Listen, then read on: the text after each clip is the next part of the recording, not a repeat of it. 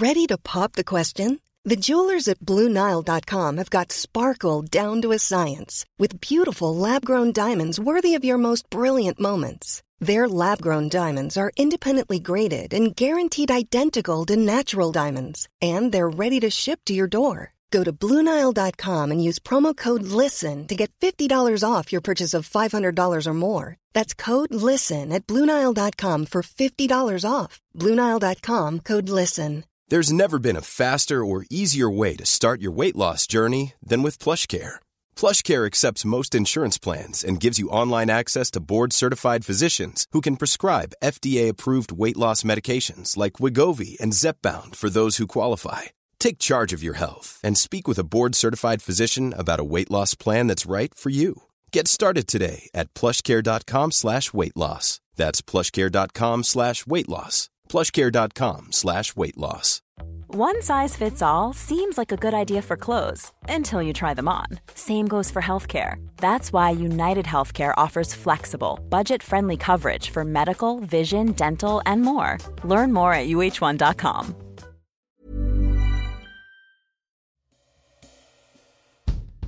Pepperoverfallet 2.2.1932 splitta det politiske Norge og gjorde forsvarsminister Vidkun Quisling enda mer omstridt i samtiden. Forsøk på spionasje i Forsvarsdepartementet, skrev Aftenposten. Politisk utilregnelig, skrev Arbeiderbladet, som foreslo å droppe den planlagte økningen av forsvarsbudsjettet til fordel for å utvide Gaustad. Men hva skjedde egentlig i Forsvarsdepartementet 2.2.1932? Og hvordan endra det politiske etterspillet Norge?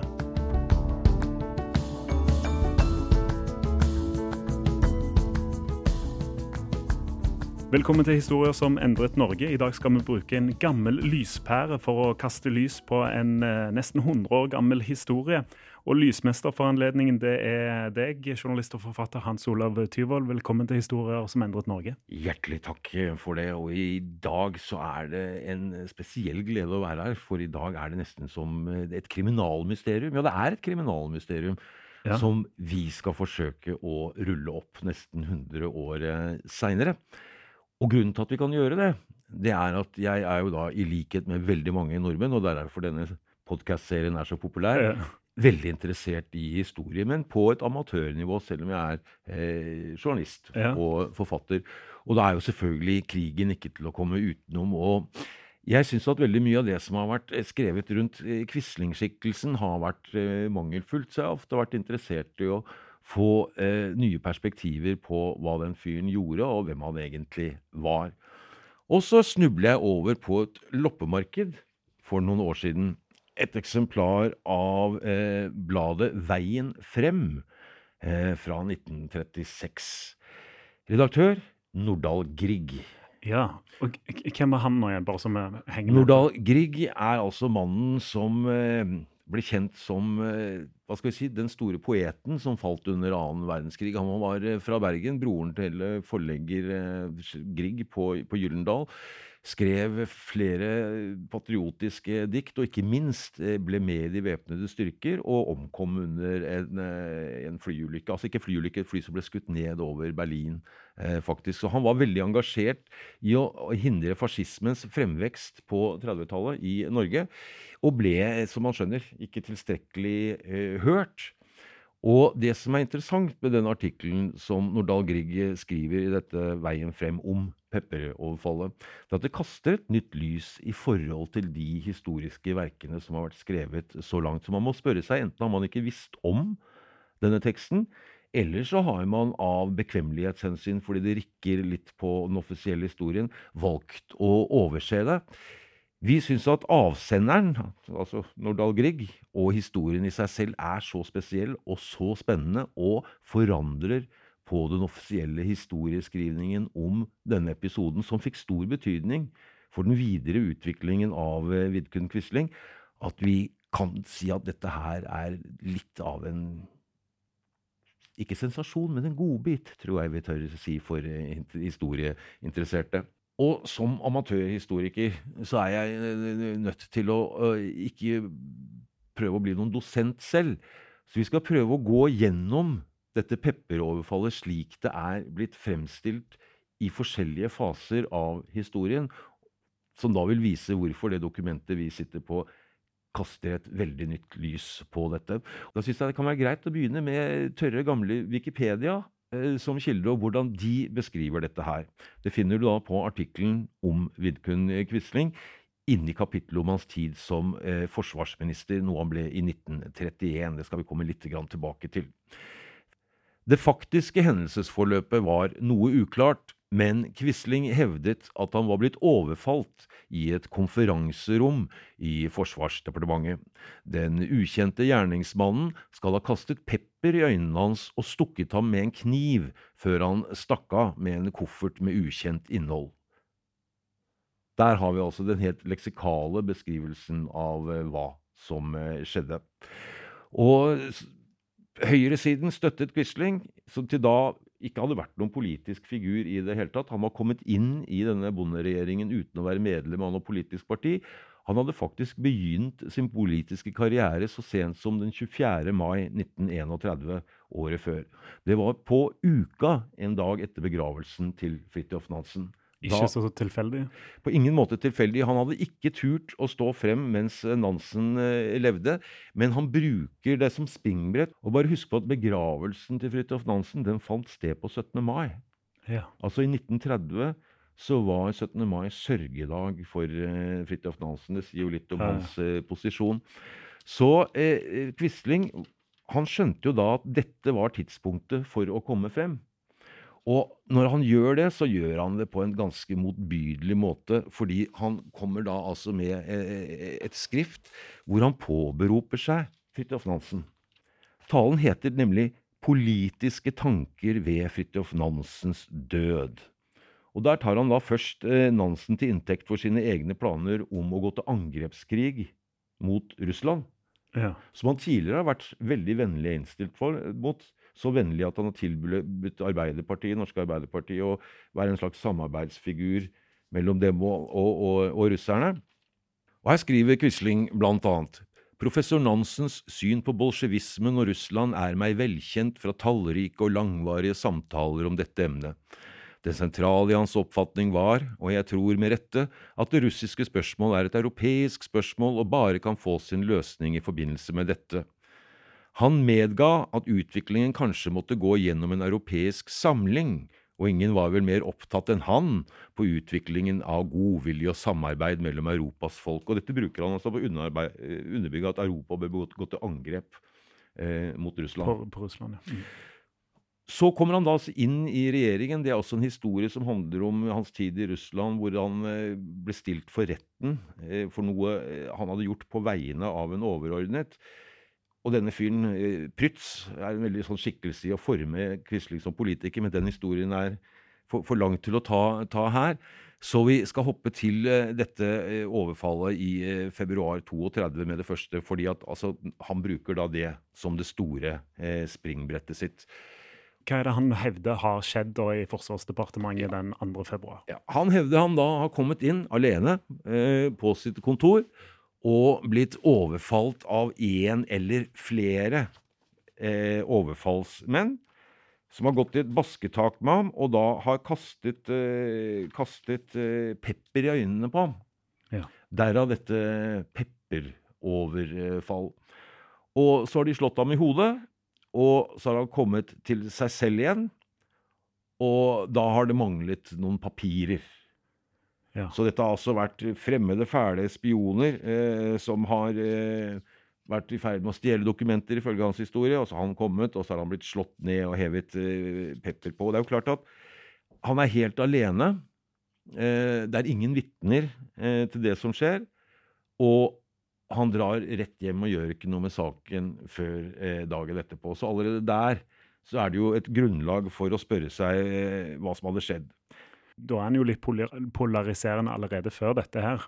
Han er polariserende, selvfølgelig, fra det øyeblikket han kommer med denne 24. mai-erklæringen sin, som Nordahl Grieg i Veien frem beskriver som oppskrift på ren eh, fascisme. Han toner eh, veldig flagg der og da, men som sagt, han har ikke ennå noe parti, så han går inn i regjeringen på anbefalingen, bl.a. til denne Prytz som et slags selvstendig uh, medlem. Og han får jo senere veldig skylden for det såkalte Menstadslaget, når det skytes mot streikende arbeidere. Det kan diskuteres, men han ser seg tjent med å ta litt skylden for det, fordi det blåser ham opp med makt. Og en ting som er interessant om Vidkun og en særlig interessant ting jeg merka meg med Vidkun Quislings tid som forsvarsminister, det var beskrivelsene fra folk som hadde sittet sammen med ham i regjeringer og alle, alle møter. Han tok aldri ordet.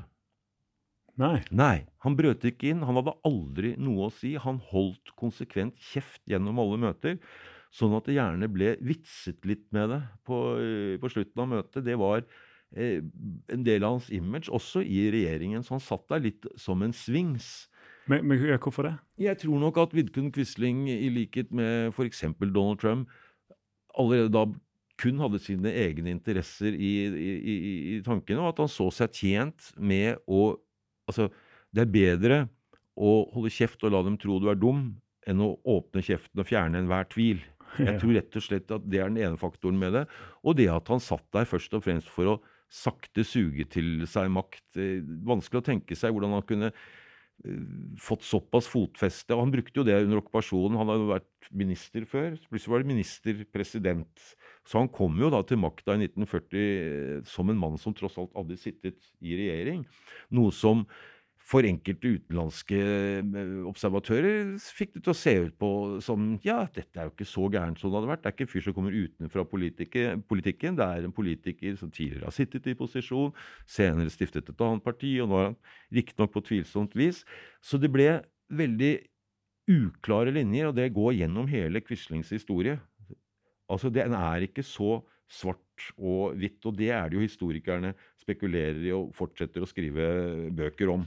Og så kan han endre narrativet som passer han i ettertiden. Da er det litt lettere å, å, å, å, få det til å passe til hans historie. Og det er det vi skal se litt på i dag, Christian, nemlig hvordan et sånt narrativ forandrer seg. For nå har du hørt hva som foregikk, så jeg tenkte vi kunne begynne med hvordan eh, Quisling selv så seg tjent med at dette her ble fremstilt i det som var den aller første Quisling-biografien som kom. Ja, og det må jeg bare si. Du har jo med noen bøker her, og de er veldig spesielle, og, og, og klipp òg. Men det du har for hånden nå, hva er det du holder nå? Jeg sitter også og holder en, eh, ganske, en A4-size-bok, litt tynn, eh, med stive permer, som heter Et folk finner sin fører, utgitt på Blix forlag i Oslo i 1942. Ja. Og da har Quisling ganske nylig fått denne tittelen ministerpresident, for den tok det jo litt eh, tid før han fikk skaffet seg. Så den er en slags feiring av dette her, og her altså et slags røre mellom biografi og, og nasjonalbiografi. Og det er interessant å se dette her med nazistenes briller, for dette er jo altså Vidkun Quisling-fansen som uh, som har utformet. Og da tenkte jeg vi kan se på hvordan, uh, hvordan de velger å fremstille dette pepperoverfallet. fordi vi, vi gir det en liten side i boken. Ja. Og jeg siterer. Og jeg må lese med litt sånn filmavis-patos her, altså. Ja, det, det, det, det, er bra. Fra juni 1931 hadde Quisling fått dimensjoner i norsk samfunnsliv, og fra samme øyeblikk av begynte fra underjordiske kilder smusset å sprøyte imot ham. Hadde nordmennene visst mer om det som skjedde utenfor deres egne grenser, ville de ha kjent forfølgelsen mot Quisling igjen. Slik ble det i alle land nasjonalsinnede førere som sto fram, søkt kvalt i marxistjødenes søle og slam. Det var mye snakk om et overfall i Forsvarsdepartementet i februar 1932. Les tidens historie! Den er i alle land full av lignende overfall og lignende bakvaskelser. Og her kommer den politiske eh, kapitalen dette overfallet eh, gir, Kristian. Ja. To måneder etter overfallet skjedde det som overfallet skulle ha forhindret. Vidkun Quisling sto den 7. april 1932 opp i Stortinget og la frem ugjendrivelige beviser på at en rekke av landets ledende politikere og medlemmer av Stortinget var landsforrædere som arbeidet i Moskvas tjeneste. Dokumentene ble senere gransket i et av Stortingets oppnevnte særutvalg med medlemmer fra alle politiske partier og mot marxistenes stemmer, altså Arbeiderpartiet, ble det slått fast at Quislings dokumentasjon var riktig, og at det satt landsforrædere i Norges storting. For det som skjer etter altså våren etter dette pepperoverfallet, så eh, blir dette diskutert, og Arbeiderpartitoppene eh, nevner denne saken fra, fra, mm, Stortingets talerstol, og det gir Quisling et påskudd i å eh, dra, dra, dra sin versjon og si, sitt narrativ i riksforsamlingen. Helt riktig. Dette bruker han altså til å blåse opp eh, Jeg vil ikke så mye si sin sak, fordi at Quisling av de fascistførerne så minner han meg mest om Mussolini. Altså en fyr som egentlig ikke Han kan stå for både det ene og det andre. han. Alt ettersom hva som er opportunt. Dette med å sitte, holde, sitte rolig i båten og vente på at muligheten byr seg. Der har du eh, Quisling som jeg eh, ser ham som en slags grunnleggende eh, person. Og da blir det, når du er så wishy-washy, så må du da bygge deg opp et image. Og han er jo major, eh, Vidkun Quisling, når han er minister. Og dette gjør det seg jo liksom blitt slått ned med batong, stukket med kniv. Det er klart det er en fin måte å bygge ham opp både som offer og både som, eh, som sterk mann, ikke sant? Eh, så, så, det er en imagebygging mer enn det er en sånn politisk eh, statement i utgangspunktet. Men så bruker han jo det plutselig så har han kommet på et spørsmål som deler befolkningen ganske likt som Stortinget er. altså i borgerlig og Arbeiderpartiets side, og den sosialistiske siden her, de mener han er sprøytegal. Den borgerlige er veldig tilbøyelig til å tro han har rett. Og hva underbygger de så det med? Da skal vi gå til den neste kilden vår, Kristian. Ja, nå er jeg spent. Og det er en, eh, en ny bok, men denne kom ut etter krigen. Dette er det som regnes som den første store eh, Quisling-biografien. Sverre Hartmanns bok 'Fører uten folk'. Og legg merke til hvordan den spiller på tittelen på den eh, Quisling-biografien vi nettopp var innom. Altså 'Et folk finner sin fører'. Så, så det er jo nesten, nesten, litt humoristisk i dette her. Og her har selvfølgelig Hartmann da et eh, Boka har kommet i 59 eh, første gang, så bare så det er sagt. Men her har altså eh, Hartmann et eget kapittel. Det heter 'Pepperoverfallet dikt eller dødsens alvor'. Og som tittelen antyder, så er ikke eh, han den som feller en sånn helt eh, bastant eh, dom i dette her. Og her gjengir han eh, en melding eh, som ble sendt ut i sakens anledning fra det som da het Oslo oppdagelsespoliti. Hva er det? Det er rett og slett etterforskerne på Oslo politikammer. Ja, okay, okay. Og det tror jeg vi skal lese i sin helhet her. Da forsvarsministeren, statsråd Quisling, tirsdag den andre om ettermiddagen ved 17-tiden kom til sitt kontor i Forsvarsdepartementet for å hente noen dokumenter, ble han, da han skulle gå inn i de innerste kontorene, som var mørke, plutselig overfalt av én eller flere menn, hvorav én forsøkte å stikke ham med en kniv i brystet, et angrep som det lyktes statsråden å avverge de alvorlige følger av. Imidlertid ble han så godt som samtidig med dette angrep blindet med pepper og slått i hodet så han falt om og besvimte og ble liggende noen tid bevisstløs på gulvet, men det lyktes gjerningsmannen eller gjerningsmennene å forsvinne. Statsråden har intet varig men fått av overfallet, og kunne allerede neste dag utføre sine embetsplikter i Forsvarsdepartementet. Politiet arbeider med sakens etterforskning, og det er utløpt en belønning på kroner 5000 for opplysninger som leder til eh, pågripelse. Og bare så det er sagt, ingen, ingen har eh, ble noensinne pågrepet eh, for dette her. Og det er jo nesten litt rart når man mm. ser på det historisk at i 1945 eh, ville det ikke da vært naturlig, hvis du hadde vært den som sto bak det angrepet på Quisling, at du da sto frem og sa at det var jeg som klappa ned i, i Forsvarsdepartementet i 1931, mindre vedkommende var død. Men jeg vil jo tro at eh, folk som gjort sånn fort ville lagt igjen spor hos sine nærmeste som kunne for fortelle eller noe sånt. Så jeg syns at det, det underbygger det, det, som kommer til å bli Nordahl Griegs påstand senere. Eh, hva var sannheten om pepperoverfallsaffæren, spør altså Sverre Hartmann. Og jeg siterer videre. Var det hele oppspinn? Skyldtes historien et anfall av malaria? hadde Quisling virkelig vært utsatt for et overfall.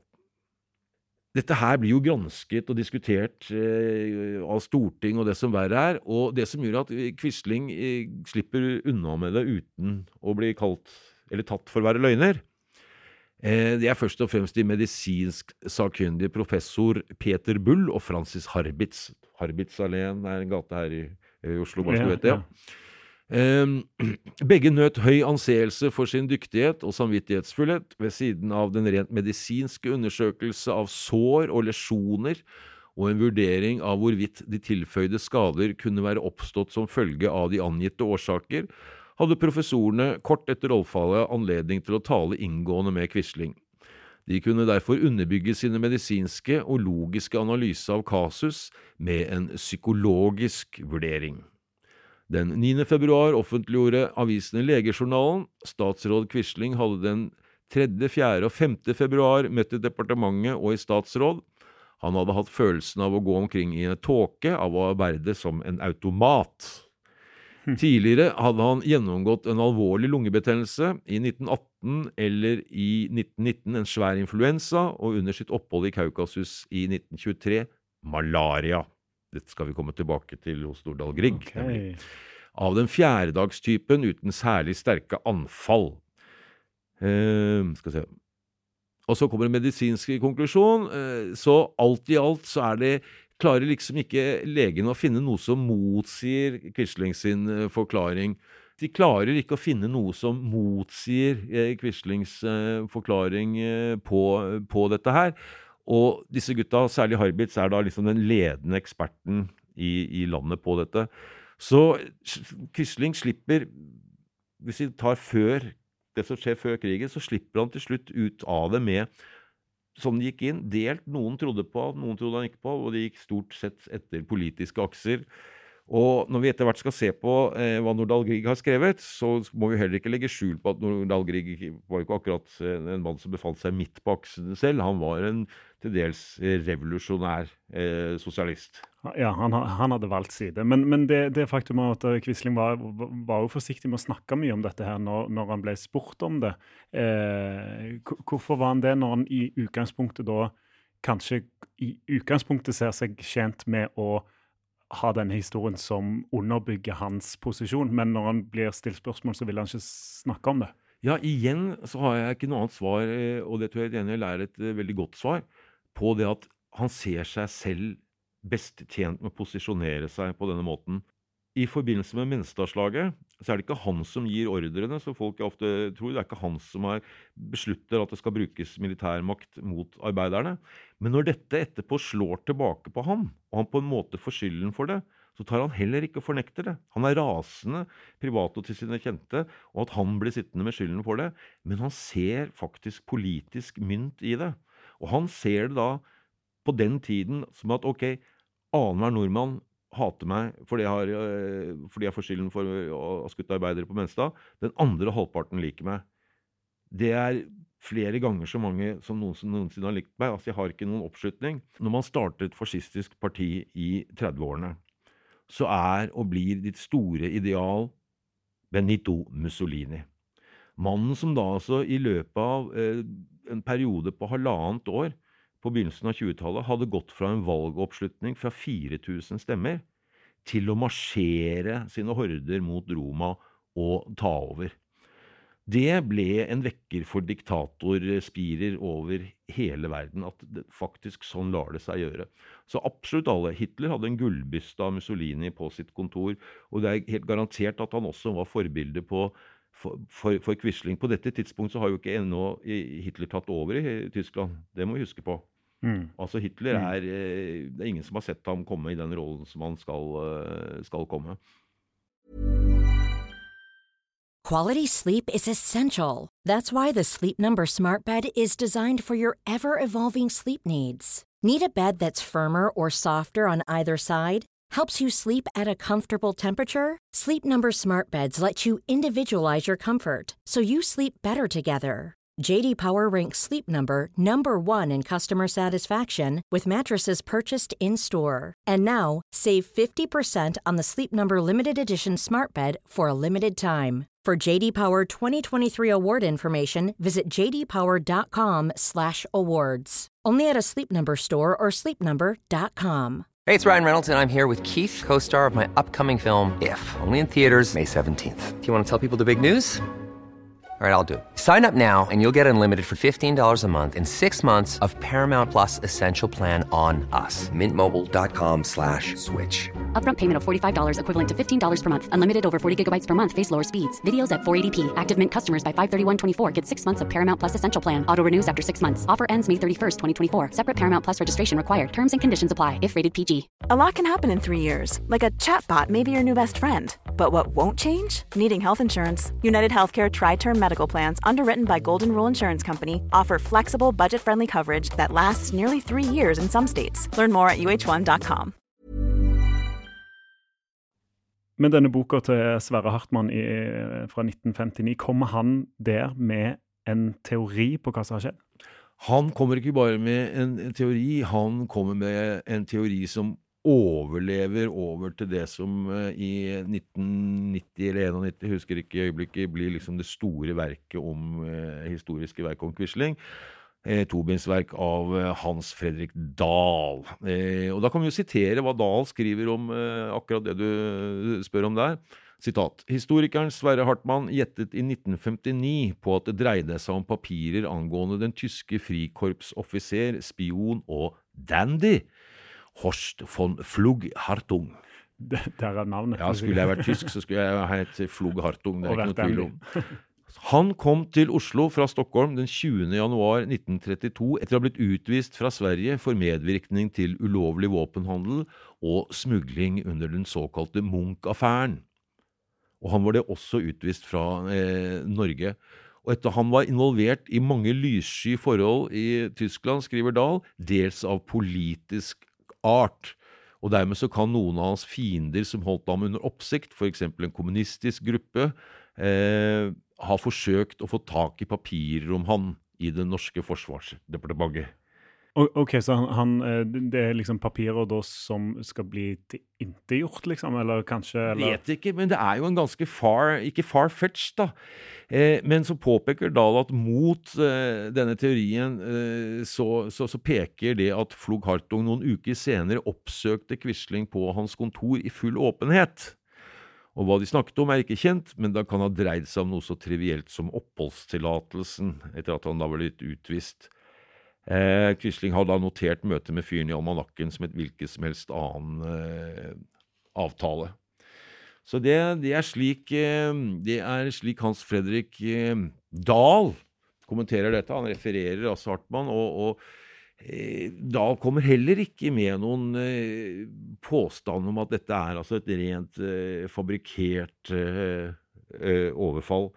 Og i kildelisten til Dahls bok så står ikke dette bladet, som altså Nordahl Grieg var redaktør for, og heller ikke noe om innholdet. Og dermed begynner vi så smått å komme frem til rosinen i pølsa.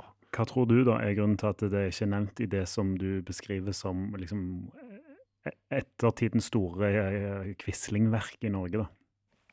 Jeg må si det, og det kan vi, hvis vi kan bruke et par minutter på det, Kristian, ja. eh, så må jeg si at jo mer jeg leser om krigen i Norge, jo mer er jeg overbevist om at, at veldig mange av de historiene som vi har blitt fòret har vært veldig preget at de har blitt til i en etterkrigstid. De er ikke hva vi kan kalle historiske, nøytrale beretninger.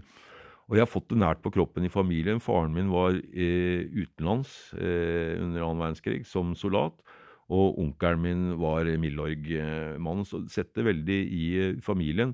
Så jeg har alltid vist, helt siden jeg vokste opp, at den offisielle versjonen av hva som skjedde Nja det er en historie med veldig, mange nyanser, og det interesserer meg veldig å se på de nyansene. Og, jo eldre jeg blir, jo flere av dem ser jeg. Og du kan si at veldig mange av de nyansene møtes nettopp i den historiske skikkelsen Vidkun Quisling, hvor det eneste interessante eh, historiske spørsmålet å drøfte med, med ham, det er at gjorde han dette til beste for landet? Altså Mente han virkelig at det å ta en samarbeidslinje ville spare oss for noe? Vel, eh, Frode Fanebust skriver i sin bok om krigshistorien at eh, økonomisk sett, infrastrukturelt osv., og, så videre, og med økt know-how og alt mulig, så er krigen på den måten noe av det beste som har skjedd Norge. Jeg fikk jo bakkehårene sto på meg da jeg leste påstanden, men han underbygger den også godt. Så det er nettopp det at men det er en historie som er viktig å holde i live, og vi ser det kanskje bedre nå i våre dager når vi har denne Ukraina-krigen gående, og samtidig via sosiale medier ser hvordan man bombarderes med propaganda, og hvordan propaganda eh, arter seg. Og ikke minst hvordan tiden forandrer på perspektivet. En av de mest interessante krigsbøkene jeg har lest de siste årene, det var rett og slett dagboken til en ung jente under krigen på Nordstrand i Oslo. Ja skjedde ikke noe dramatisk. Kom aldri noen tyskere hjem eller noe sånt. Ingen, sånn. Først etter krigen så finner hun ut at broren og sånn har vært involvert i, i, alt greia. Men det som var interessant når jeg leste boken, det er at tidlig i sånn 41-42 når det da har vært en sabotasjeaksjon eller motstandsaksjon, så er tonen hos den unge jenta å, de må slutte med det, de setter oss alle i fare med dette her. Og så når du da begynner å komme på oppløpssiden i 1945, det er sånn Å, disse heltene våre og disse tøffe Hadde det ikke vært for dem Så den gir et bilde av en, en, en folkemening og, som snur. Ja, At den er i dreining. Ja, og mm. det, samtidig så er det jo med, som med deg og meg også, Christian, at hvis vi blir mennesker som bare holder fast ved en oppfatning, så stagnerer vi jo. Så jeg syns det er interessant også å se på denne historien som jeg vokste opp med, og lære at den var fullstendig utformet i sort-hvitt. Gråsonene og, og, forhåpentligvis så kan det lære oss noe om den tiden vi lever i. Mm. Jeg blir jo veldig frista til å spørre deg òg, da. Hva er din teori, da? Min teori blir veldig basert på eh, mitt take på personen eh, Vidkun Quisling.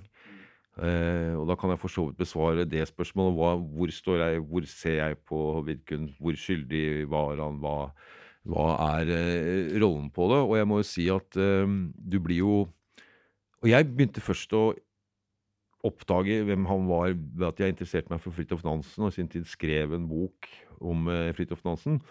Og Nansen holdt en veldig tydelig avstand til Quisling, og de ble aldri eh, nære venner. Og du skulle ikke bli så veldig nær kjent med Nansen før du ble invitert hjem på Graut på Lysaker. Så jeg skjønte at, veldig tydelig at her har det ikke vært en isfront, men at, at det har et eller annet som har skilt de to eh, veldig fra hverandre.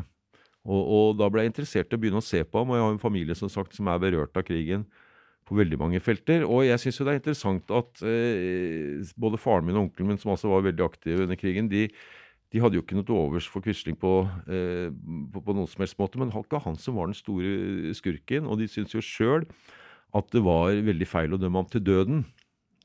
Ja. Både på et moralsk grunnlag, at da gjør man seg på mange måter ikke bedre, eh, bedre sjøl, og også pluss at sånn som de sier at historiens lys forandrer seg med eh, tiden.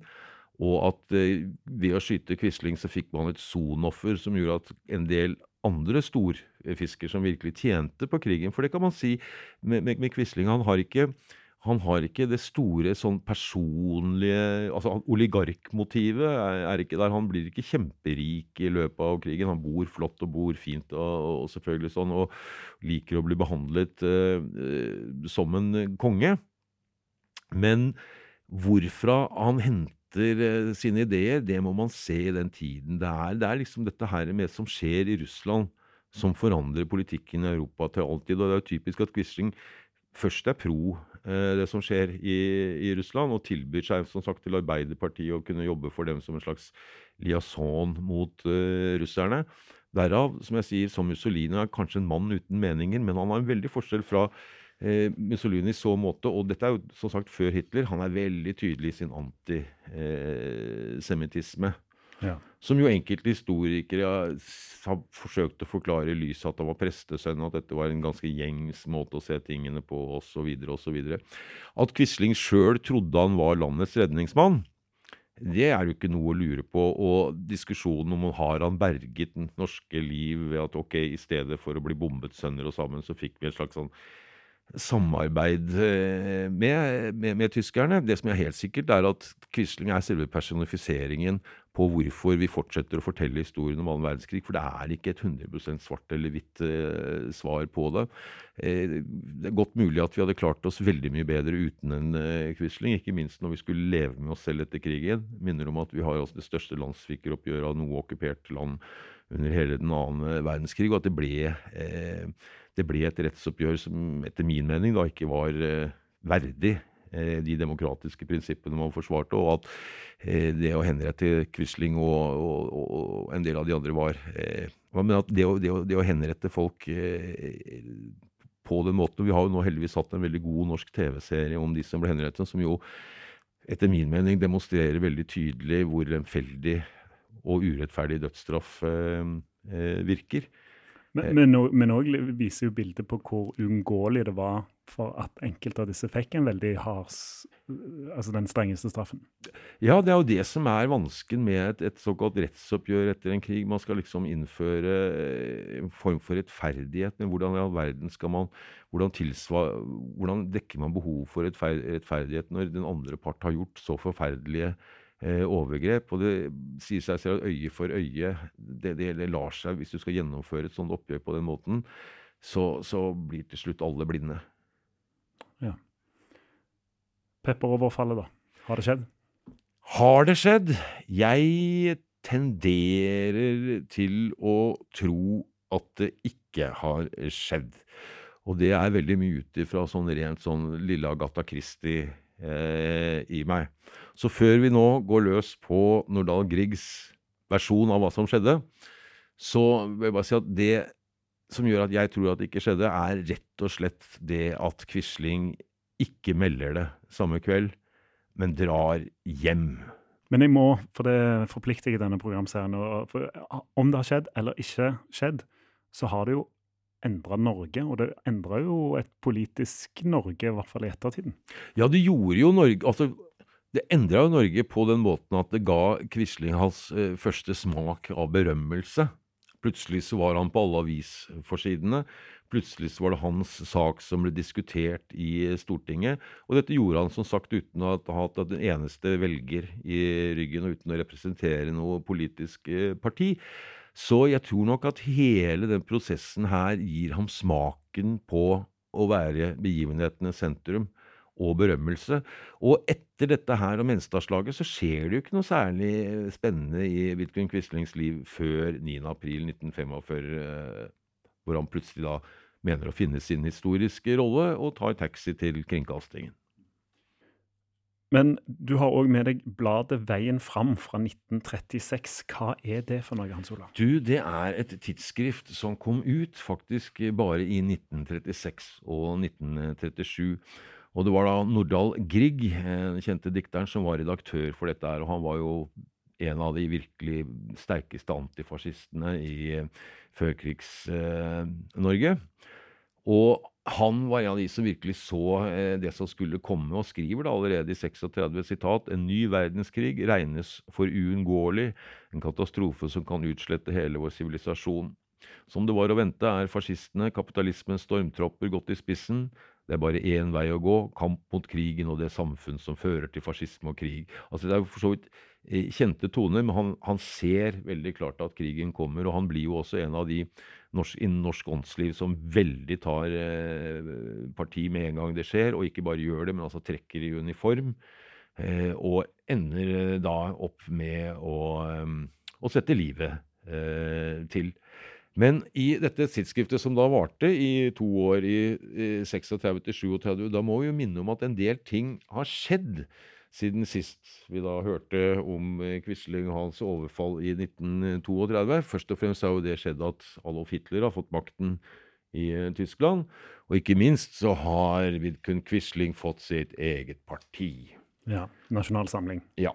Så i dette bladet så finnes det flere artikler av Nordahl Grieg. Den første heter 'Hvordan en fører blir til'. Det er nesten et sånt spesialnummer om Quisling, dette her, og han tar det jo selvfølgelig veldig ille opp. Og husk på at dette er lenge før han har da noen har ikke, De har ikke tatt makten. Nasjonal Samling er da å regne som et eh, noenlunde parti som alle andre. De vil iallfall at eh, alle andre skal tro det.